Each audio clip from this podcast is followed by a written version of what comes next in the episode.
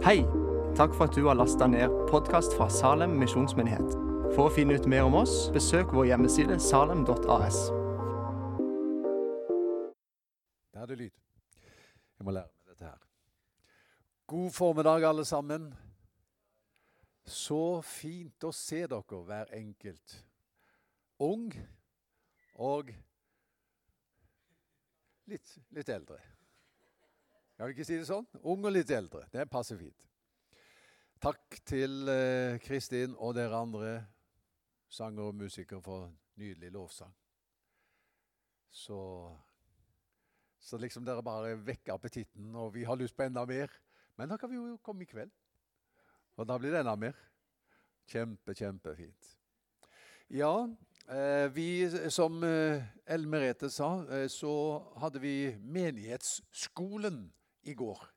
Og det er noe med det navnet som ikke liksom eh, skaper den veldige entusiasmen, kanskje. Vi skulle funnet på et bedre navn. Menighetsskolen. For at, eh, konseptet er egentlig ganske bra, syns vi i Misjonskirken Norge som har jobbet med dette. Men fredag og lørdag så, så var vi eh, ca. 80 stykker fra menigheten som samtalte om menigheten vår og veien videre. Vi opererer med fire typer eh, menigheter i Misjonskirken Norge. Og det er eh, sunne og misjonale. Dette kan du bare lære deg like godt med en gang, for dette, du, dette er liksom språket. Eh, det er sunne og misjonale. Det er menigheter som har en levende relasjon til Jesus, og som er koblet på det som Gud gjør i verden. Sunn det er liksom hjerteforhold til Jesus, og misjonal det er at man er koblet på det Gud gjør i verden. Og det normale i en sunn og misjonal menighet er at mennesker kommer til tro. Sunne misjonal. Så er det stabil. Der går det ganske greit, og det er en god organisasjon, men det, det, er ikke så ofte at noen kommer til tro i den stabile. Så har du stagnert, og da er det litt Litt Hva skal jeg si Situasjonen er litt leiere. Det er enda lenger siden noen kom til tro. Og så er det i faresonen. Det er den fjerde type menighet. Er, den kalte vi før døende. Det høres veldig drastisk ut, men i faresonen. Sunn misjonal, stabil, stagnert, i faresonen. Og så, bare for å liksom fortelle dere hvor vi er henne Så på fredagen da, så sa vi til de 80 at nå i festsalen er det fire hjørner, og nå skal dere fysisk bevege dere i et av disse hjørnene. Hvis du mener at eh, Salem er en sunn og misjonal menighet, så stiller du deg i det hjørnet. Mener du at vi er en stabil menighet, så stiller du deg i det hjørnet. Mener du at vi er en stagnert menighet. Da blinker de røde varsellampene. Da stiller du deg i det hjørnet. Og mener du at eh, Salem er en døende, eller iallfall i faresonen, så stiller du deg i det hjørnet. Sånn var det. Og hvor tror du folk stilte seg hen? Det var faktisk ingen som sto i der, eh, det hjørnet som heter Sundemisjonal. Nobody. Men veldig mange i eh, det, som sa ja, vi er nok stabile. Og så var det også veldig mange som var som mener vi er nok litt stagnert. Vi er nok det. Men jeg tror ikke det var noen som var i den der eh, vi er døende. Men det som var greia, det at alle For jeg sa her er det viktig hvor du vender ansiktet. Hvis du vender ansiktet mot La oss si du er på stabil, og så vender du ansiktet mot stagnert, så sier du dette utviklingen ser ikke bra ut. Vi er på vei fra stabil til stagnert. liksom. Det ser ikke bra ut. Kanskje ser du mot døende, så ser det virkelig dårlig ut. Men alle sammen hadde blikket vendt mot syndemisjonal. Og det fortalte meg to ting. En selverkjennelse. Vi er ikke der vi kunne vært, men vi er på vei dit. Vi skal dit. Og ved Guds hjelp skal vi komme dit, og vi overgir oss til det. Og vi har tro på det, at vi skal bli en menighet som preges av to ting. Her er vi glad i Jesus, og her blir mennesker kristne. Her kommer man til tro. Det er det som det handler om. Så det var bare en liten smakebit fra de to dagene som vi hadde. Og takk for gaven som du var med å gi til menighetsrådgiverordningen. Eh, jeg hadde jo hatt lyst til å holde den kollekttallet sjøl, men jeg kunne ikke holdt den bedre enn du gjorde. Jeg har jo vært menighetsrådgiver i, syv år, ikke sant? seks og et halvt. Men takk for de gode ordene du sa om menighetsrådgiverne. Det var veldig pent sagt. Og det er sant, da, tror jeg. Men det får være nok om det. Eh, nå skal vi gå til eh, Guds ord, og jeg har slått opp, og har du Bibelen med deg? Ellers får vi det snart på veggen, men ikke ganske enda. Vi skal lese fra Lukas 1. Men altså, som Elle Merete sa, så har vi en gjennomgang av trosbekjennelsen eh, denne våren, fram til sommeren, fram til Sankt Og eh, i dag så skal det handle om første artikkel. Jeg tror på Gud Fader den allmektige, himmelens og jordens skaper. Vi skal dvele litt ved, mer ved den første artikkel. Og Det er ikke sånn at vi forkynner trosbekjennelsen. Vi forkynner Guds ord. Hva er forholdet mellom trosbekjennelsen og Guds ord? Jo, det er som forholdet mellom sola og månen. Månen har ikke noe lys i seg selv, den reflekterer bare lyset fra sola. Og sånn har trosbekjennelsen ikke noe lys i seg selv, men den reflekterer lyset fra Guds ord.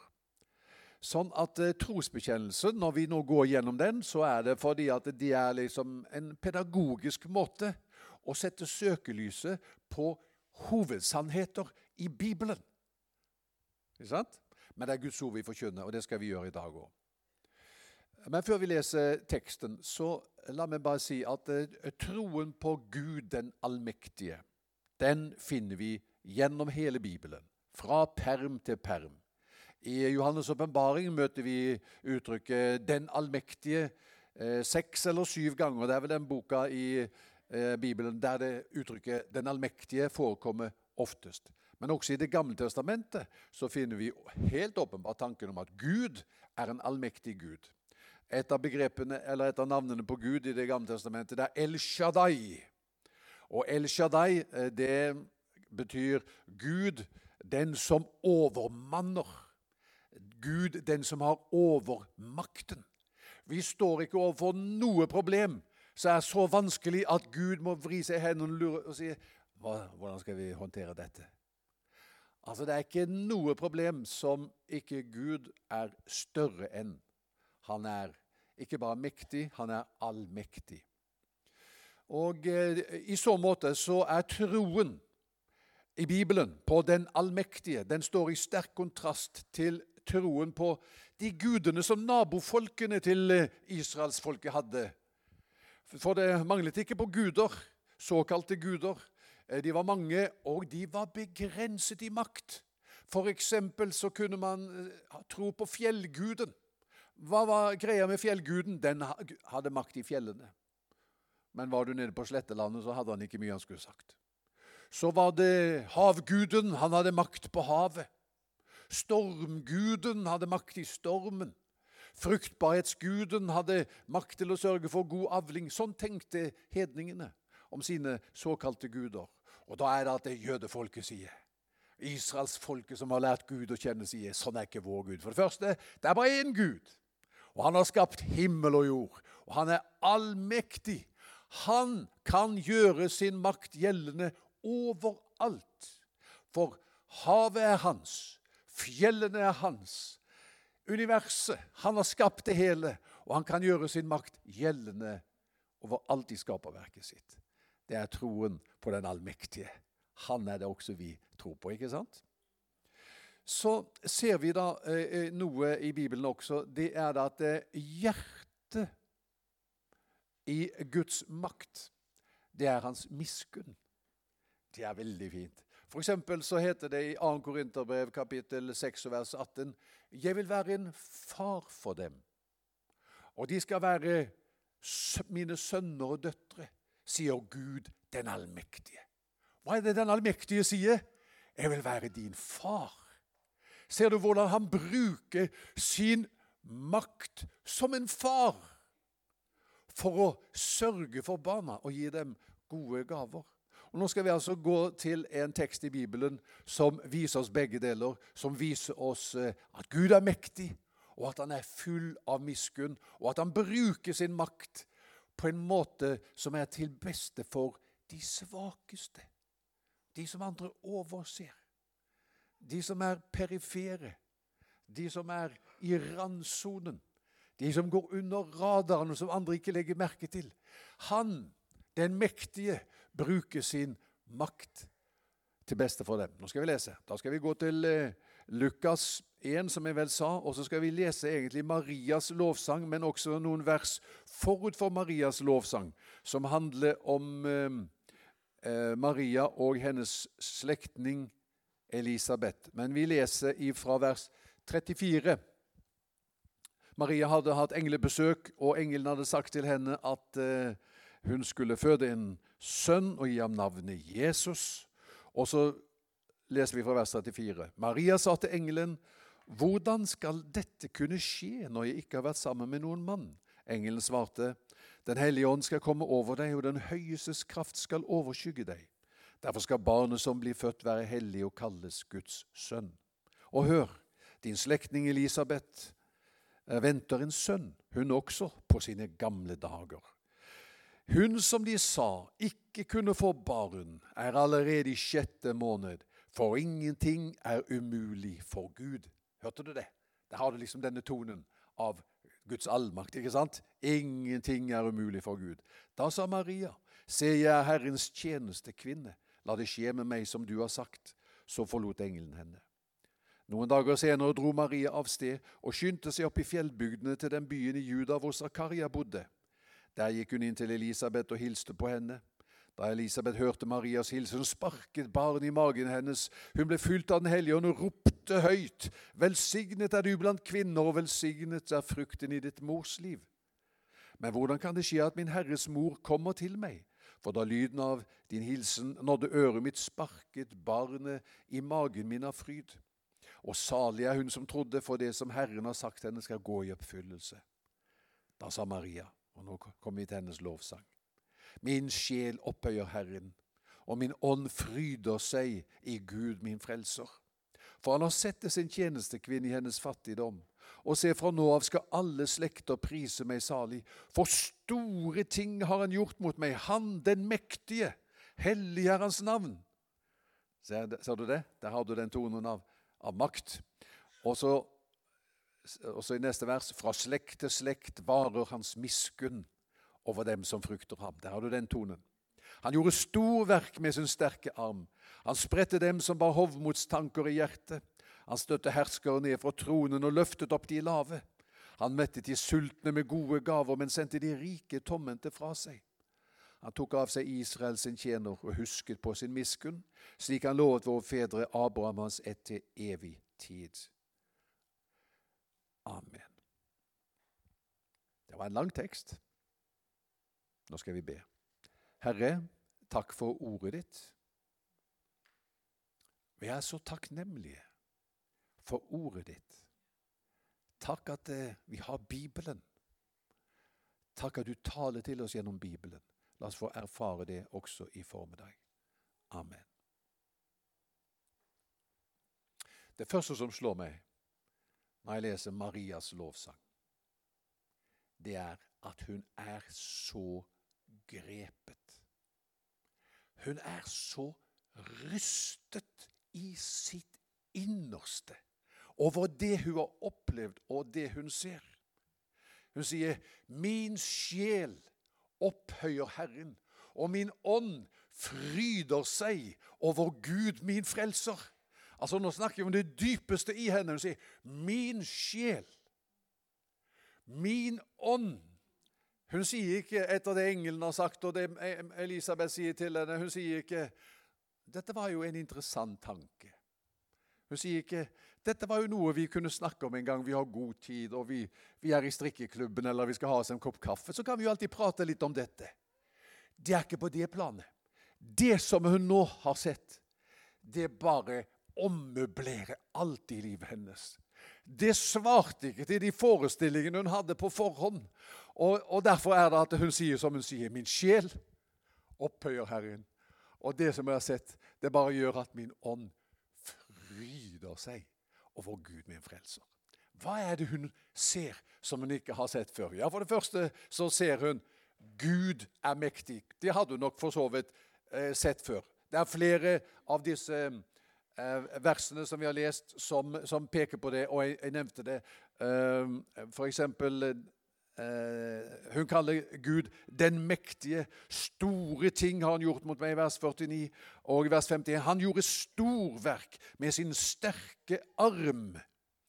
Sterke arm. Har Gud armer?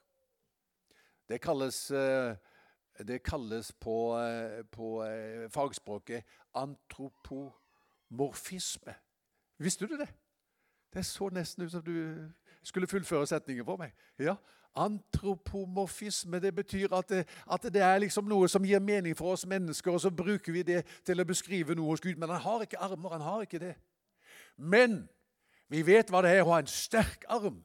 Og Gud, han er mektig, og han handler på mektig vis. Og Vi leste også tidligere ingenting er umulig for Gud. Så det er det. Men det som bare setter Maria helt ut, det er det hvordan bruker han sin makt? Jo, hjertet i hans makt er hans miskunn. Og så sier hun han har sett til sin ringe tjenerinne. Det er det første. Tenk at han kommer til meg. Hvem er det Gud bruker? Vi har kanskje lett for å tenke at Gud er på parti med de opphøyde, de, de veldige. Uh, Gud er jo opphøyet og mektig. Og da er det lett å lage den koblingen at det, siden det er noen som er opphøyde og mektige her på jorden, og Gud er opphøyd og mektig, så må det være at de på en spesiell måte har hans velsignelse, at Gud er på parti med de som er på toppen. Og så sier Maria Sånn er det ikke. Jeg har sett noe. Han er ikke på parti med de som er på toppen. Han er på parti med de som er på bunnen. Den første grunnen til at jeg forstår det, sier hun, det er han har valgt meg. Jeg denne ringe tjenerinne. Han har sagt til meg du skal bli Guds mor. Det er jo fantastisk. Og så profeterer hun om gutten, om barnet. Og Hun sier det med en sånn en skråsikkerhet at hun snakker i fortid. Hun sier ikke at eh, han skal mette de sultne, han skal opphøye de, de lave osv. Men hun snakker han mettet de sultne. Han opphøyet de lave. Ja, men dette har jo ikke skjedd ennå, Maria. Jeg vet det, sier hun, men jeg vet at når Gud har satt seg noe fore, så kommer det til å skje. Så hun snakker om fremtiden like så sikkert som om det er fortid. Gud bryr seg om de laveste, og han løfter dem opp. Det er det som bare setter henne helt ut. Og Det er det som jeg har eh, lyst til å ha fokus på også denne dagen. Og jeg må si det at eh, jeg gleder meg over det. Noe så veldig. At Gud vil bruke sin makt til beste for de som er på bunnen. De som er i randsonen av samfunnet. De marginaliserte. Dette disse versene, ja, vi, Nå har vi dem jo opp her. De har for det første en åndelig betydning. Skal jeg gi deg tre punkter? og Det første punktet er at dette har en, en rent åndelig betydning. Han gjorde storverk med sin sterke arm. Så står det han spredte dem som bar hovmodstanker i hjertet. Han støtte herskere ned fra tronen. Han sendte de rike tomhendte fra seg. Det er på den ene siden dette. På den annen side, han løftet opp de lave. Han mettet de sultne med gode gaver. Dette kan vi lese som åndelige løfter eh, for åndelige behov. Du er åndelig sulten. Du kjenner deg ringe åndelig sett. Og så er det rike løfter her til deg om at Gud vil mette dine åndelige behov. Det er lett å tenke sånn når vi leser dette, kanskje, at det som står her, det er at det går godt med de som er gode, og så går det dårlig med de som ikke er så gode. At eh, de som er gode, de får del i Guds gode gaver og velsignelser. Og de som ikke er så gode, de får ikke del i Guds gode gaver og velsignelser. Men det er ikke evangeliet. Det er religionens vei. Faktisk talt, de er hinduistenes karma. Nådeløse karmaprinsipp. Det går godt med de gode, og det går dårlig med de som ikke er så gode. Vet du hva som er evangeliet, og Maria lovpriser Gud for? Så gjør at hun er rystet i sitt innerste. Hun sier det går godt med de som ikke er så gode, og som vet at de ikke er så gode. Og som sier at skal det gå godt med meg, så må du forbarme deg over meg, Gud. Det er mitt eneste håp. Det er det som er greia. Hvis du sier til Gud 'Jeg er så sulten' Det var en kar som sa Han hadde hørt predikanten tale om å bli født på ny. Og så hører de når han kneler noen av forbedene, så hører de han sier 'Herre', sier han. Når det gjelder den første fødselen min, så gikk det ikke så bra med meg. Jeg har kommet skjevt ut på hoppkanten, Herre, du vet det. Livet mitt ble ikke så bra. Så den første fødselen var ikke så vellykket. Herre, kan du gi meg den der nye fødselen som han der predikanten talte om? Er det et håp om en, en ny vending for meg? Og så er greier den at da sier Gud jeg vil mette de sultne med gode gaver. Faktisk talt, det er sånn i Bibelen. Det er et hovedtema det som vi nå sier i Bibelen. At Gud, når Jesus kommer, så vender han lagnaden til folk. Kjenner du det ordet? Lagnad. Det er fint ord. Skjebnen. Han vender skjebnen til folk. Og du sitter kanskje her og tenker jeg kom skjevt ut på hoppkanten. Du skulle bare vite hvordan oppveksten min var, og hvordan jeg har hatt det til nå i livet. Det har ikke vært så lett. Men jeg tror på en som løfter opp de lave og som metter de sultne, og som vender lagnaden, slik at livet tar en annen kurs enn det ser ut som at det skulle komme til å gjøre når du tar utgangspunkt i, i hvordan det har vært til nå. Sier du 'Jeg er egentlig nede for telling'. Han løfter opp de lave. Sier du 'Vet du hva? Jeg er så spredt. Jeg vet ikke om du sier det noen gang, at du er spredt. Sier du det noen gang? Har du sagt det noen gang om det selv? Jeg er så spredt? Jeg tror ikke det. Det er ikke det vi vanligvis sier. Men man kan føle jeg er så spredt, jeg greier ikke å samle meg om noen ting. Jeg greier ikke å samle tankene. Jeg greier ikke å samle eh, fokus. Livet mitt er bare alt mulig. Da står det Han spredte dem som bar hovmodstanker i hjertet. Ja, det er der, men der er ikke du. Du er der at du sier 'Jeg er så spredt'. Da sier han 'Jeg skal samle deg'. Ser du, det er det motsatte. Så vi tenker det går godt med de gode, og det går dårlig med de som ikke er så gode. Det er helt feil. Det er religionens vei. Evangeliets vei er det går godt med de som vet at de ikke er så gode, og som innrømmer det for Gud. Vi kan si det sånn at det blåser en vind gjennom verden, en nådens vind. Og hvordan, vet du, Hvis du er en seilbåt ute på havet, og hvordan du innretter seilet ditt det vil være avhengig da, Hvordan båten din har det, vil være avhengig av hvordan du innretter seilet. Så hvis du innretter seilet ditt sånn at, eh, at eh, du motvirker denne vinden, så får du ikke del i det. Det er ikke fordi at ikke Gud ville gi deg det, men, men du ga uttrykk for at dette har jeg ikke behov for. Men innretter du seilet slik at du sier, 'Herre, jeg trenger din nåde' så er det en nådens vind som blåser deg inn i et nytt farvann. Og der er det gode gaver og velsignelser å hente.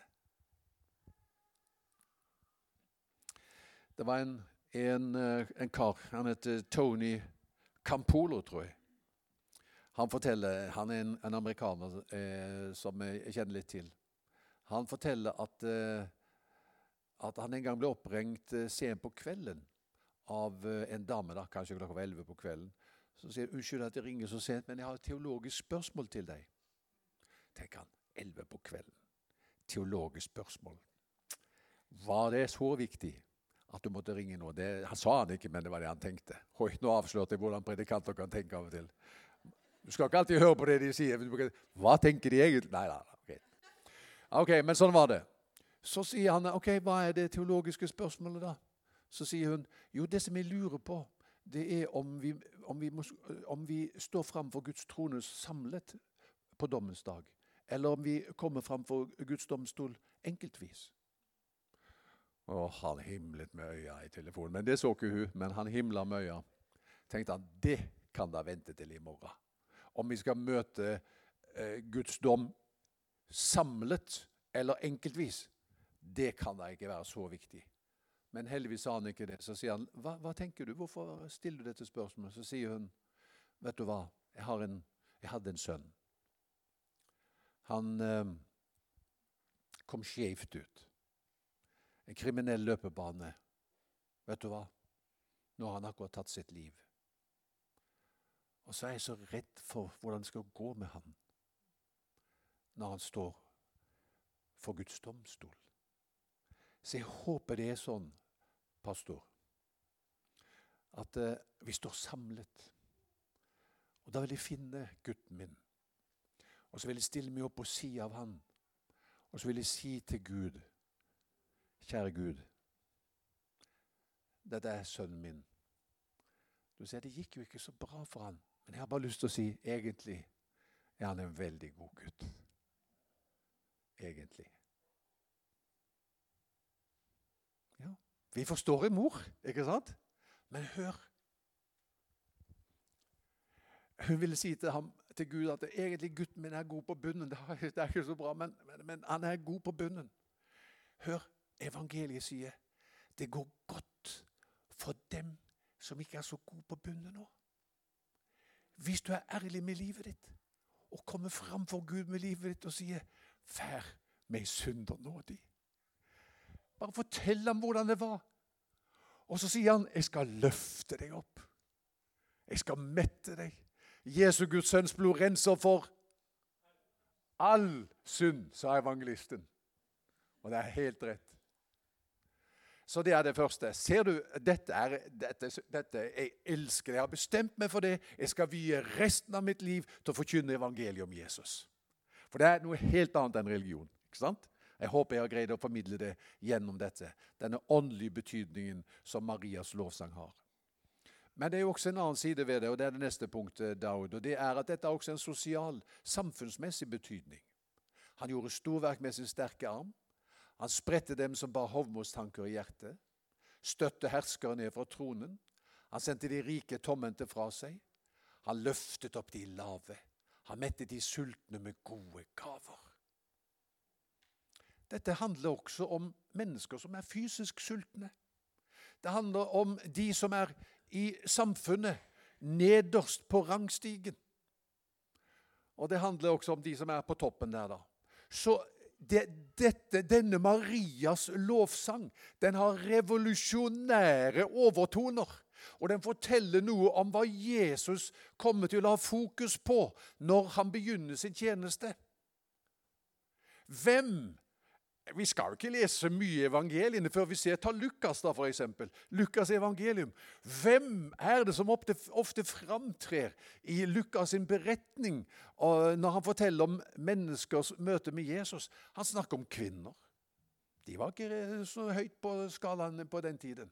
Heldigvis har det forandret seg. Og jeg er glad i William Booth, som sa mine sterkeste menn var kvinner. Det, det er veldig mye, det. Men den gang var det ikke sånn. Barna var ikke regnet for noe. Men, men vi ser Jesus sette med barna på fanget. Samaritanerne, de spedalske. Mange i vår tid strever med utenforskap. Man er liksom på siden av livet. Der er de som har del i livet. De har jobb, de har familie. Det, livet er på skinner. Og så er det faktisk mange i vårt, vårt samfunn som er liksom på utsida av denne hovedstrømmen av livet og er betraktere til livet. Kanskje kjenner man på ensomhet. Man er uten jobb. Det er sykdom, det er andre ting. Og man, man tenker på Å, hvordan skal det bli? De spedalske, de var utenfor. Og når Jesus helbredet dem, så helbredet han utenforskap. For når de så noen som nærmet seg dem, de spedalske, hva måtte de gjøre da? Da måtte de rope, og du vet det som er evangelist, da måtte de rope 'Uren! Uren! Hold deg unna!' Så helbredet Jesus dem. Ikke bare ble de fysisk friske, men de kunne komme tilbake til familien igjen. Klemme kona si hvis de hadde vært gift. Omfavne barna sine. Ha barnebarna på fanget. For en sosial og samfunnsmessig betydning det hadde når Jesus grep inn i livet til de spedalske. Så har vi de fattige. Samaritanerne, den blandingsrasen. Så har du synderne. Altså, Jesus hadde fokus på mennesker i randsonen. Jeg pleier å si I ethvert samfunn er det et sentrum og en periferi. I Norge òg. Har du hørt om uttrykket Oslo-gryta? Har du hørt om det? Vi snakker ikke mer om det, men, men vi har hørt om det.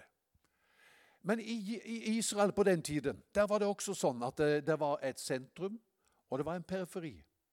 Hva var sentrum i Israel, tror du, på Jesu tid? Ja, det, det er ikke vanskelig. Det er jo Jerusalem. Of course. Jerusalem, der lå tempelet. Det var det religiøse sentrum. Det var også det politiske sentrum. Der var eliten. Der var de som var på toppen. Der var de som hadde makt og innflytelse og antagelig rikdom også. De var i Jerusalem. Ok, nå er Gud blitt menneske.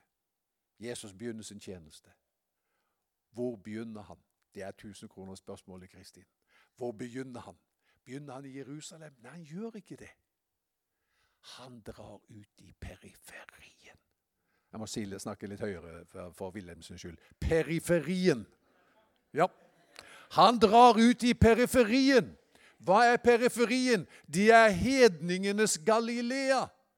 Og hututu, det var så vidt en jøde ville bevege seg til hedningenes Galilea. Snakk om å være i randsonen, påvirket av all slags hedensk innflytelse. De som er der, de er i mørke og dødens skygge. Og Da kunne vi kommet inn på en annen av lovsangene i Lukas 1. vet du, og Det er Zakarias lovsanger sier lyset fra det høye har gjestet oss som en soloppgang, og det skal skinne for de som sitter i mørket og dødens skygge, og leder våre føtter inn på fredens vei. Når var det dette brøt ut? Når han flyttet til Galilea. Åh, han var i periferien. Han løftet opp de lave. I Det gamle testamentet er det sånn at det finnes en kvartett som spesielt har Guds fokus. Det var enkene, det var de farløse, det var innvandrerne, og det var de fattige.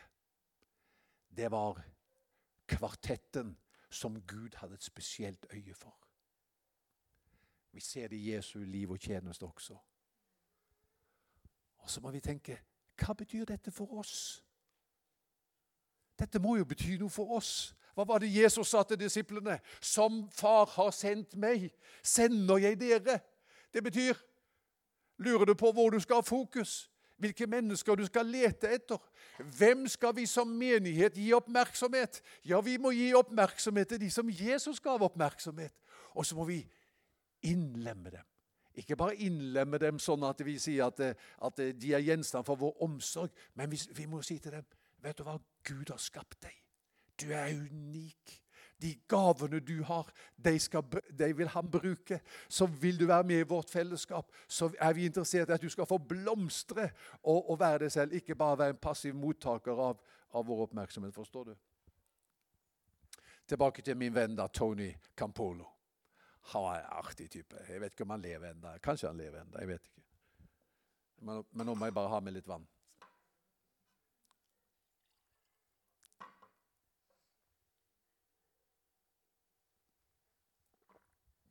På 80-tallet. Han har skrevet en bok som heter eh, The Kingdom Is a Party. Guds rike er et selskap. I denne boka forteller han at på 80-tallet så reiste han til Hawaii, til Honolulu. Og så, eh, og så hadde han reist mange tidssoner, og tok inn på et hotell, og så våkna han halv fire på natta og fikk ikke sove. Altså, kjente han, han hadde jo ikke spist kveldsmat, han var egentlig litt sulten, så han, han uh, gikk ned i uh, i lobbyen der og spurte jeg kan få en kopp kaffe og en donut eller et eller annet. Ja, ja, det var greit. Og så ser han at det kom inn eh, noen damer der. Åtte-ni damer. Noen av dere har kanskje hørt denne fortellingen før. kom inn åtte-ni damer. Eh, og de er prostituerte. Og de preiker og prater. Og, og, og, så hører han at hun ene sier ja, i morgen så blir jeg 39 år. Eh, og så sier den andre hvorfor sier du det? Mener du at vi skal lage selskap til deg? Vi har ikke penger til å lage selskap til deg. Nei, jeg mente ikke det, sa han. Jeg bare, jeg bare sa det. Jeg morgen ble 39 år, jeg mente ikke mer med det. Og så uh, går det igjen, og så han Tony Campolola, så sier han til han uh, nattevakten sier han, Pleier disse å komme hver natt? Ja, de kommer hver natt. Halv fire? Ja, halv fire kommer de. Du, jeg fikk lyst til å lage et selskap eh, for hun der på 39 år. Er det greit? Han der nattevakt syntes det var en god idé. Så han sa det gjør vi. Og kokken han får beskjed om å lage den kaka. Og eh, Tony han pynter hele spisesalen, restauranten, til party. Det var en hel jobb å gjøre det. Og de får ordet ut sånn at eh, det blir kjent i miljøet. Men ikke si det til Agnes. Hun heter det, hun på 39. Ikke si det til Agnes. Tony han kan nesten ikke vente til det er, eh, er en ny natt. Og snart er de kommet. Alle prostituerte i Honolulu er i restauranten. Nå venter de, og, og Tony Campolo. Det er meg og de prostituerte, sier han. Så venter de på Agnes. Der kommer hun, sammen med en venninne. Og så kjører de i gang. Dette hadde de jo sikkert øvd på. Synger de 'Happy birthday to you'. Agnes blir bare stående med hakeslepp. Og greier faktisk ikke å stå. Hun må støtte seg til resepsjonspulten eh, der, eller bordet. Og, og eh, de ser, når de kommer med kaka med 39 lys, så blir øynene så blanke. Og så sier de til Agnes at eh, nå må du blåse ut lysene. Nei, hun gråter jo. Hun strigråter jo. Hun kan ikke blåse ut lys. De sier nå må du skjære i, ta første kake. Hun klarer ikke å skjære i kaka. Og så sier hun kan jeg få låne denne kaka litt. Tja, sier kokken, det er jo din kake. Ja, så sier hun at jeg må bare hjem til mamma og vise denne første gang siden jeg var barn at jeg har fått en kake. Hun er helt satt ut. Ja, hva skal vi gjøre nå, sa, sa Tony mens hun var gått. da. Kanskje vi skal be, sa han. Og da sier han der, eh, han der eh, nattevakten, be? Du har ikke sagt til meg at du er pastor? Eh, jo da. Ja, Men hvorfor, eh, hvorfor eh, gjør du dette? Jeg gjør det fordi jeg er en kristen. Det er derfor du gjør det, ja. Hva slags menighet tilhører du, da? Så sa han jeg tilhører den menigheten som baker bursdagskake til prostituerte 39-åringer. Det er den menigheten jeg tilhører. Da sier nattevakten den menigheten har jeg også lyst til å tilhøre. Den menigheten høres ut som en menighet jeg kunne være med i også.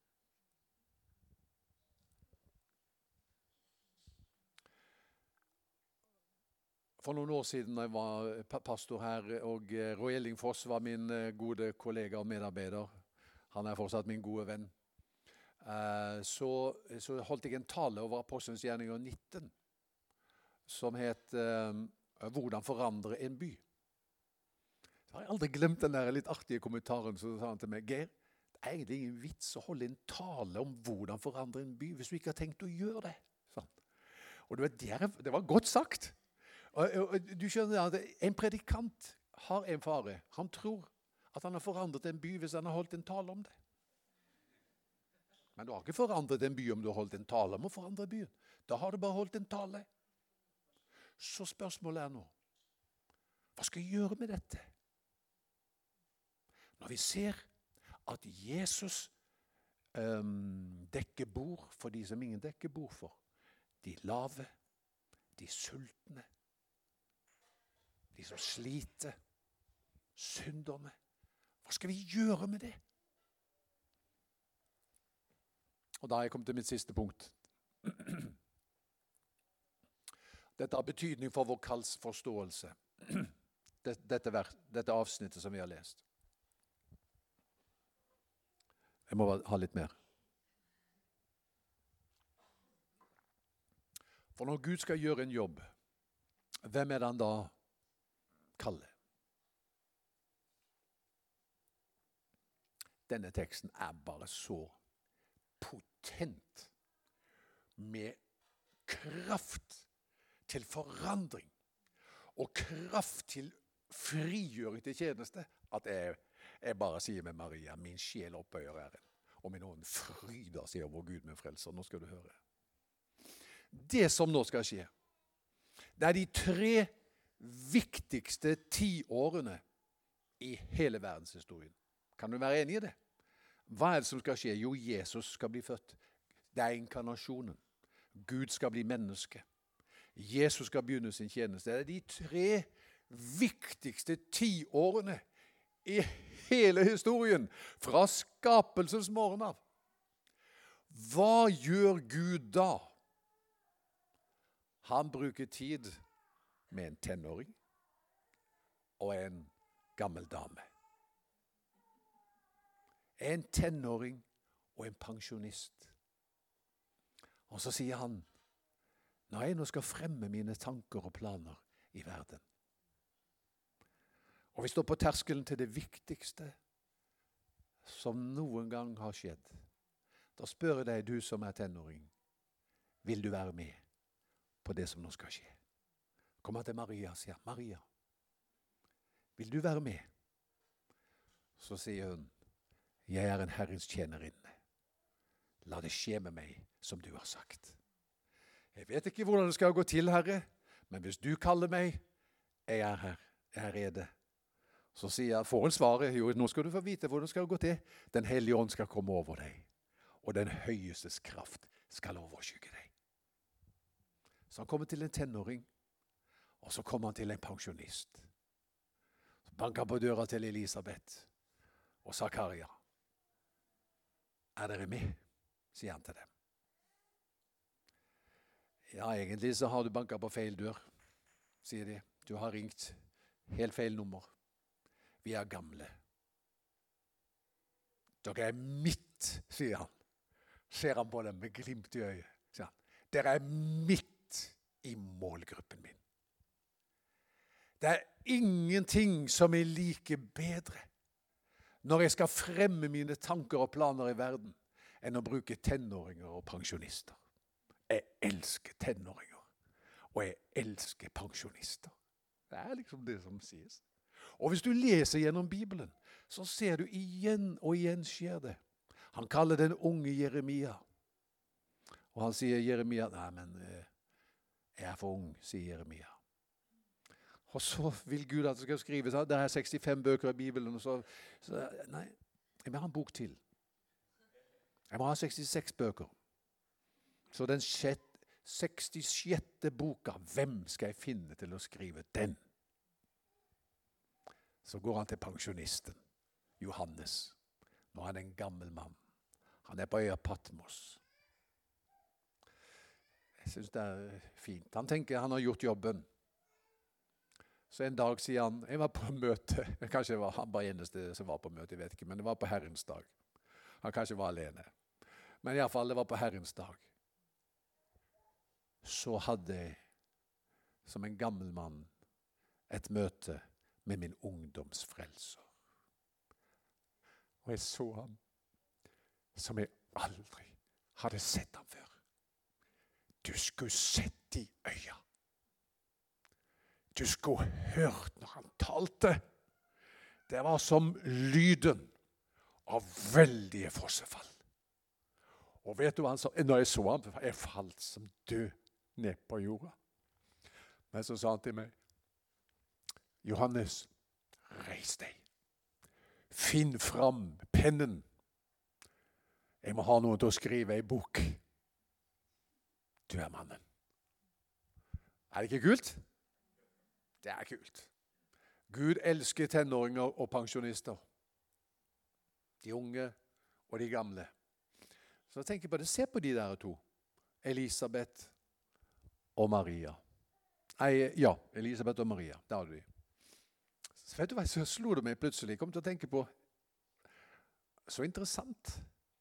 Egentlig har vi Elisabeth og Maria i Salem òg. Maria ja, dere er eh, representantene for Maria. Og kveldsmøtet, vi kan si, vi kan kalle kveldsmøtet et nytt navn. Vi kan si kveldsmøtet i Salem, det er Maria. Skal du gå på Maria i kveld? Ja, i kveld skal jeg på Maria klokka 19. Det er, det er kveldsmøte. Formiddagsmøtet, da? Ja, det er Elisabeth. Det fine med Elisabeth og Maria Det var ingen generasjonskonflikt eller spenning mellom de to. De velsignet hverandre. Og faktisk, Maria trengte Elisabeth, for hun lurte på hva har skjedd med meg. Drømmer jeg? Har besøk av en engel. Er det virkelighet? Eh, jeg forstår ikke hva som har skjedd. Så drar hun opp til Elisabeth, og så ser hun at Elisabeth er med barn. Og så sier Elisabeth til henne, 'Vær hilset', sier hun. Du som, Tenk at du skal komme til meg, du som er min Herres mor. Oi, hvor hadde hun det fra? Hun hadde ikke fortalt at hun var gravid. Du som er min Herres mor. Oi, oi, oi. Så, El, så Maria trengte Elisabeth for å få bekreftet at det hun bar på og kjente på, at det var fra Gud. Og da er det at det, det går opp for henne, og the penny drops. Og, og, hun skjønner at det er faktisk sant. Gud har utvalgt meg. Og så bryter hun ut i denne lovprisningen. Fantastisk. Så Maria trengte Elisabeth, men Elisabeth trengte Maria òg. Og Maria hun er med og også bekrefter Elisabeth òg, så er det en gjensidig velsignelse der. Så tenker jeg Så interessant at når Gud skal gjøre noe nytt, så skjer det noe i en tenåring, og det skjer noe blant den godt voksne delen, pensjonisten. Kan vi våge å tro at Gud vil si noe til oss? Jeg, liksom, jeg, jeg har en følelse av at Gud vil si noe til oss der vi er akkurat nå. Han sier til Maria-generasjonen, til tenåringene og de unge, sier han, dere er bærere av noe. Dere skal bringe Jesus til verden. Og Så sier han til den godt voksne generasjonen, men dere skal ikke bare se på, dere er bærere av noe også. Dere skal også være med og bringe Jesus til eh, nasjonen. Ja, Det var Johannes som skulle fødes. En veirydder for Jesus. Tenk på det! Dette var mitt budskap. Jeg har talt litt for lenge ser jeg på klokka, men, eh, men eh, nå skal vi be. Og så skal vi takke Gud. Han er den allmektige, som viser sin makt er at han kommer til den som er nede, og som er sulten, og som er spredt, for å løfte og mette og samle. Og så sier han også, 'Vil du gå mitt ærend?' Der er noen ensomme der ute. Der er noen som kjenner veldig på utenforskap. Det er noen som gråter seg i søvn om kvelden. Du vet hvem de er. Vil du gå? Vi skal be.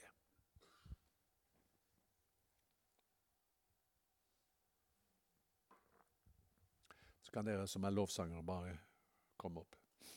Herre, vi takker deg for at du eh,